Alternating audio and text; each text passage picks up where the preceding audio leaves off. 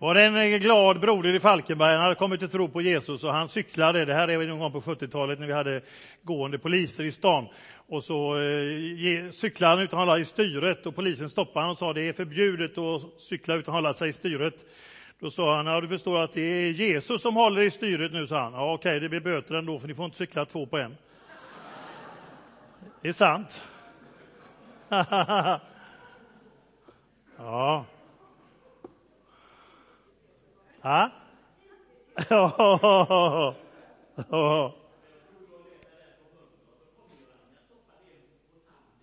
Så var det. Intressant. Det kan ha varit med lite influens från Mölndal. Det, jag tror det med. Min göteborgska blir bara värre och värre, säger mina barn. Vad de nu menar med det. ja, vem är Jesus? Såg ni på Alice Bah Kuhnke igår i programmet Sverige? Gå in på SVT Play annars och kolla vilken frimodig Jesus tro. Det var inget prat om Gud i allmänhet och lite flum, utan det var Jesus. Vår nye kultur och demokratiminister var ni än att rösta på. Det var Jesus. Jesus är den som, är, som vägleder mig för alla mina val. Ja. Just den sentensen sa hon, tror jag inte går, men hon har sagt i en intervju, men det var Jesus hon pratar om. Fantastiskt. Och ska man starta en debatt där det blir massor av insändare och grejer så ska man ta upp om Jesus. Svenska Dagbladet för tio år sedan, eller vad det var, när de startade sin Jesusdebatt utanför, utifrån Sten-Gunnar Hedin och eh, Anders Aborelius, pingst och katolskledarna, skrev ett Jesusmanifest. De har aldrig fått så mycket inlägg i den debatten, varken förr eller senare. Massor av människor var engagerade. Och det är ju inte så att vi håller på att diskutera om Jesus fanns eller inte, för det, det är vi forskare, jag på säga, men det är for... ah, det var bra. Ja, jag, jag har i alla fall läst några år på universitetet, men jag kan ju inte kalla mig för forskare egentligen kanske. Nej. Det är forskarna överens om att eh, det är inte frågan, det är en icke-fråga. Vi har bibliska historieskrifter, vi har Tacitus den romerske, vi har Josefus den judiske och Suetonius indirekt den romerske. Och, och vi har hela vår tideräkning före eller efter Kristus. Eller hur? Hela världen styrs. Det är inte någon fabel som vi firar, liksom, fablernas värld före och efter, utan det är Jesus Kristus, Jesus Kristus. Men sen går debatten vem han är och vem han var och hur han såg ut och vad han sa. Ja.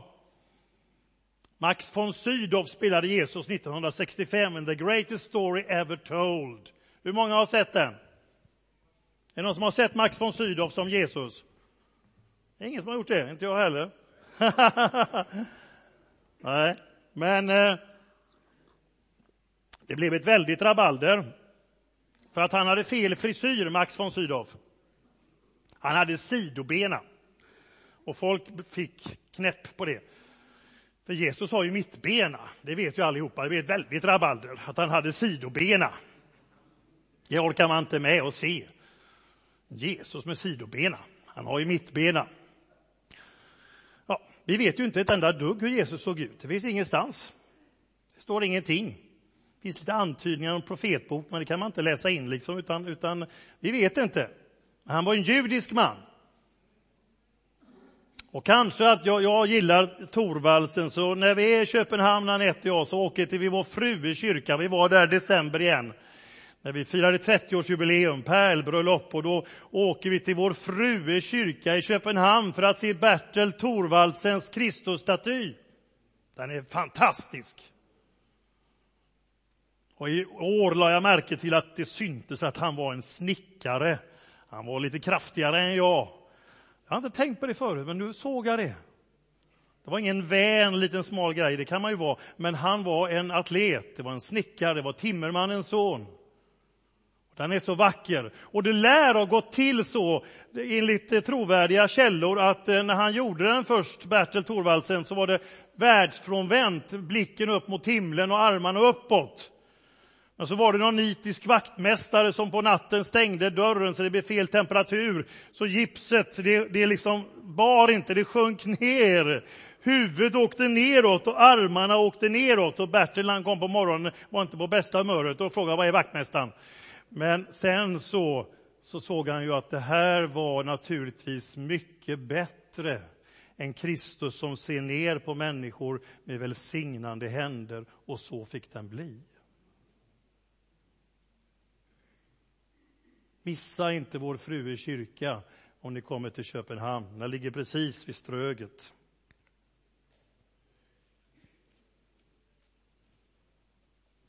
Och människor fascineras av Jesus. Så här skrev Peter Örn, den, på den tiden var partisekreterare i Folkpartiet, i sin bok Ingen anledning till oro. Snickaren Jesus från Nasaret i Galileen. Trots mina frågor och mina tvivel kan jag inte undkomma kraften hos honom. Jag känner honom ännu inte, men jag har kommit honom närmare. Och Marit Paulsson, nu råkar det vara samma parti, men det är ingen partiinlaga här så ni kan vara lugna. men Marit Paulsson, Europaparlamentarikern, skriver så här i en krönika när hon letar efter förebilder för män.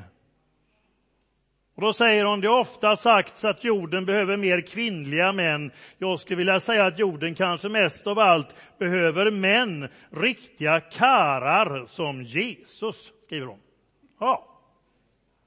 Det är inte dåligt sagt av en EU-parlamentariker. Riktiga karar som Jesus. När Martin Scorsese gjorde sin film om Jesu frestelse, eller sista frestelse den heter nu då, så var det för att på något sätt slå fast att han var en människa. Men det är ju inte någon debatt idag på något sätt, för det är ju inte det vi debatterar om man var människa. Det skulle nog de flesta hålla med om. Det är intressant att veta att trosbekännelsen kom till en gång i tiden för att skydda Jesu mänsklighet. Idag skulle den behövas för att skydda Jesu gudomlighet, men när den skrevs så var det för att skydda att han också var en människa. Och vi ser att han blir trött och hungrig och ledsen och arg. Allt det vi förknippar med människas liv ser vi hos Jesus. Min dotter frågade mig när hon var i 20-årsåldern eh, om jag visste vad det var för likhet mellan Jesus och dagens ungdom. Det har ni kanske hört jag har berättat, men jag kan väl, om det är någon som inte, är någon som inte hört den, vad är det för likhet? Ja, det är några. Ja, ni får ursäkta ni som är i 20-årsåldern, men Sandra, hon var i 20-årsåldern då när hon sa det. Nej, så jag, det vet jag inte. Jo, sa hon, förstår du pappa, de bor hemma tills de är 30 och gör de något så det är ett rent under. ja. det är ju inte orättvist. Nej, kul. Det var en dansbandssångare, en känd i Sverige, han blev, intervjuad och sa Jesus var en oerhört fin kille, men det fick han bara skit för. Så tyckte han. ja. Men var han någonting mer? Ja, han kunde göra under. Evangelierna är fyllda av detta.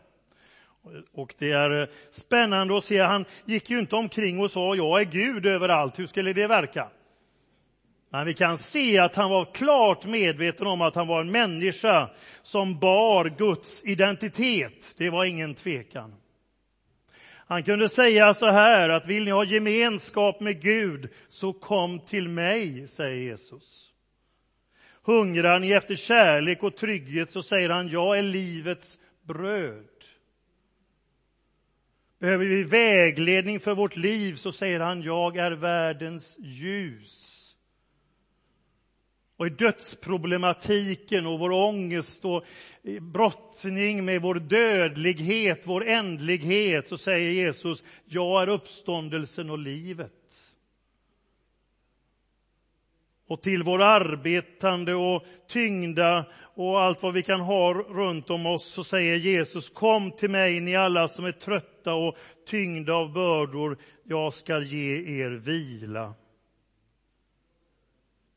Och vägledningen, säger han, följ mig. Och han säger att den som tar emot mig har tagit emot Gud. Det är tydligt och klart. Det var en liten, eh, ja, ett barn som målade en, en målare och mamman frågade vad ritar du för någonting? Jag gör en, ritar en bild av Gud. Och då säger mamma, men du, snälla du, det är ingen som vet hur Gud ser ut. Nej, men snart vet de, sa han. ja, det eh, är klara besked. Snart så vet de. Och så säger Jesus, dina synder är dig förlåtna. Plötsligt så kom det någon där det fanns en nådainstans, en möjlighet att få sin skuld överlämnad. Och då sa människorna, han hädar ju, vem kan förlåta utan Gud? Men han kunde förlåta.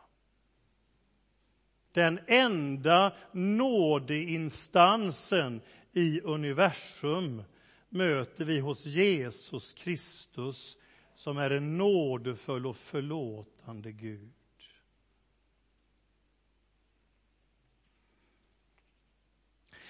Sen när lärjungarna och andra såg vem han var och man översteprästen och de andra frågade, är du Messias, den välsignade son? Ja, det är jag, sa han. Och när Thomas till slut förstod och säger min Herre och min Gud, så sa inte Jesus, nej lugna ner dig nu, så är det inte, utan salig är du, Thomas, min Herre och min Gud.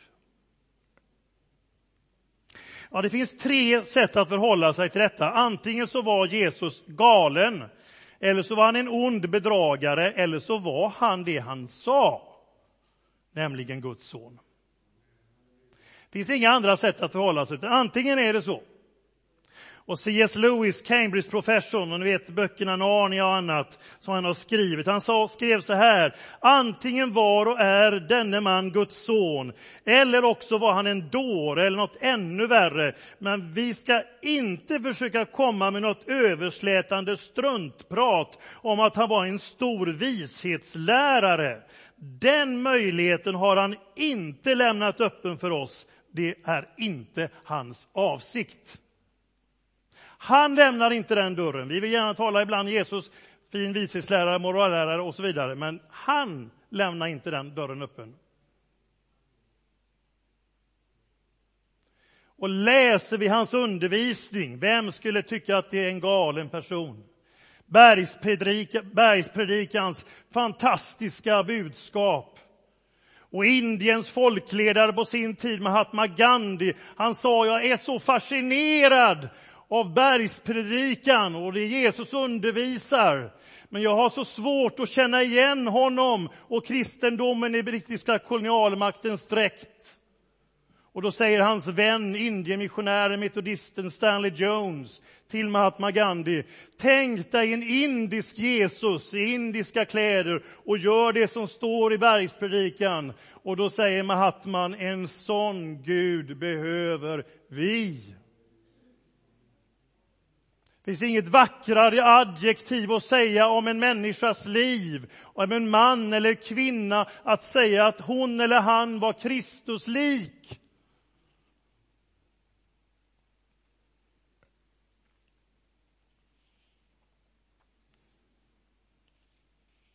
Och han var fylld av kärlek, empati, han såg på människorna. De var illa medfarna som får utan herde och han ömkade sig över dem.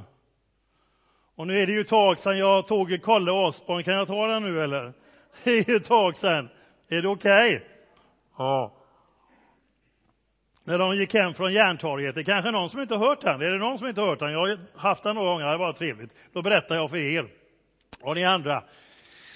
Då så ramlar ju Kalle omkull och då säger Osborn till Kalle, du, jag kan inte lyfta upp dig men jag kan lägga mig bredvid. Ja. Och sån är Gud, han lägger sig bredvid. Men han har också möjligheten och kraften att lyfta dig upp.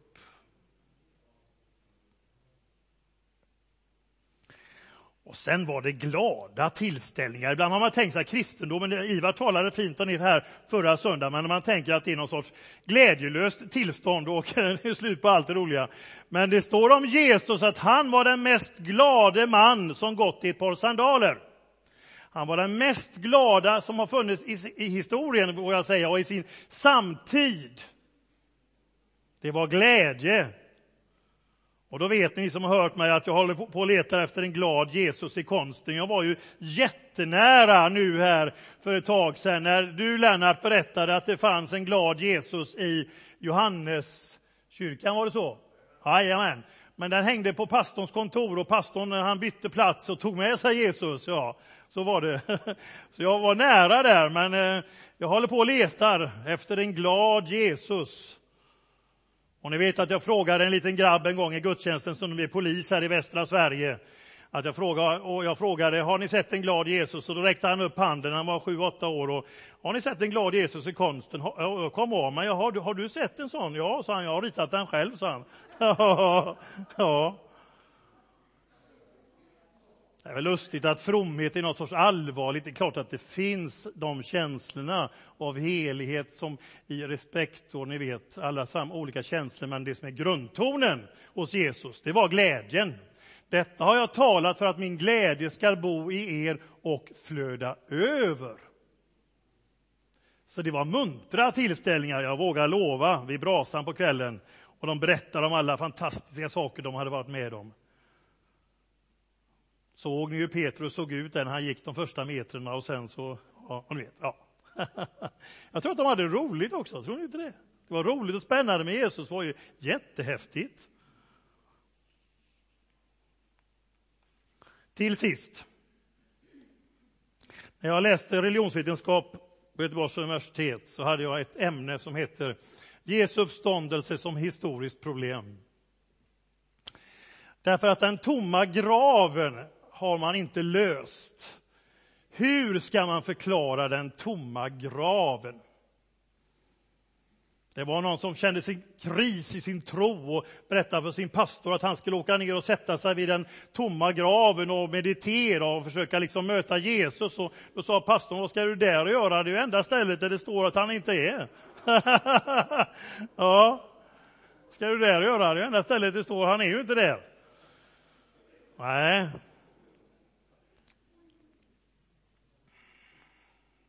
Ja, en del försöker säga att han kravlade sig ner från korset och överlevde. Har ni sett Mel Gibsons The Passion of the Christ? Den är blodig och fruktansvärd, men så gick det till. De flesta överlevde inte pryglingen med de här metallhullingarna. Och sen den grymmaste avrättningsmetod som var med korsfästelsen. Där överlevde man inte länge och man krossade benen på Jesus behövde man inte det, för man såg att han var död och man stack ett svärd i sidan och blod, vattnet och blodet hade skilts så som det är när, döds, när man har dött. Det bara forsade ut. Det är bara barnsligt om han skulle överleva det och sen kunna flytta på ett och ett halvt ton tung sten och ta sig ut och säga sorry grabbar. Nej, det funkar inte. En del säger då att det var lärjungarna som rövade bort honom, men det skulle mycket till att man rövar bort ett, en, en död kropp, ett lik, och sen glada gick ut och sa han uppstår och han lever. Ja. Nej. Eller översteprästerna hade rövat bort honom. Nej, då hade de bara tagit fram honom. Lugna er nu, sluta prata om Jesus, han ligger ju här död. Nej, det finns inget vettigt svar annat än att han uppstod. Och han visade sig i 40 dagar för mer än 500 människor, 500 på en gång. Säkert kvinnor och barn också, för man räknade ju bara männen på den tiden, ursäkta damerna, det var ju så. Men 500 män, 500 bröder på en gång, under 40 dagar. Och Johannes, han, han säger att vi predikar det vi har sett och det vi har hört och det vi själva har tagit på, säger han. Livets ord förkunnar vi. Och till sist, Jesus utmanar dig och mig. Kom och pröva. Det är miljoner människor, mil, ja, miljarder, jag vet inte hur många, men det är massor av människor i vår tid idag och genom historien som har prövat och mött den levande Jesus Kristus. Och vad har vi att förlora på det? Än att testa och pröva. Jesus säger, om någon vill göra dens vilja som har sänt mig, så ska ni förstå om det jag talar är om mig själv eller om det kommer från Gud. Det går att pröva. Och jag vet inte om vi kan få till det här i Mölndal, men i brittiskt BBC, till sist här bara, hade ett fascinerande program där alla möjliga människor fick pröva att leva som kristna i 30 dagar. Var det någon som såg det? Ja, det var väldigt fascinerande. Någon fick åka på böneretreat, någon fick vara med, det var en från ett knuttegäng, en tuffing, han fick vara med och dela ut mat till hemlösa i Frälsningsarméns regi. Och eh, någon som hade problem med sina grannar fick ställa till med en fest, precis som Levi eller Matteus gjorde, och bjöd in alla grannarna, för så gjorde Jesus och hans lärjungar. Och eh, några andra fick tvätta fötterna på gågatan på folk. Det är ju inte så vanligt att vi gör. Men det var spännande att se vad som hände med de här människornas liv som vågade pröva att be och praktisera i 30 dagar. Så det kan vi utmana Mölndalsborna och välkomna nu till eh, samtal här sen efter soppan och vi har också alfakurs i Bifrostkyrkan på torsdagskvällar. Jag stannar så. Tack ska ni ha.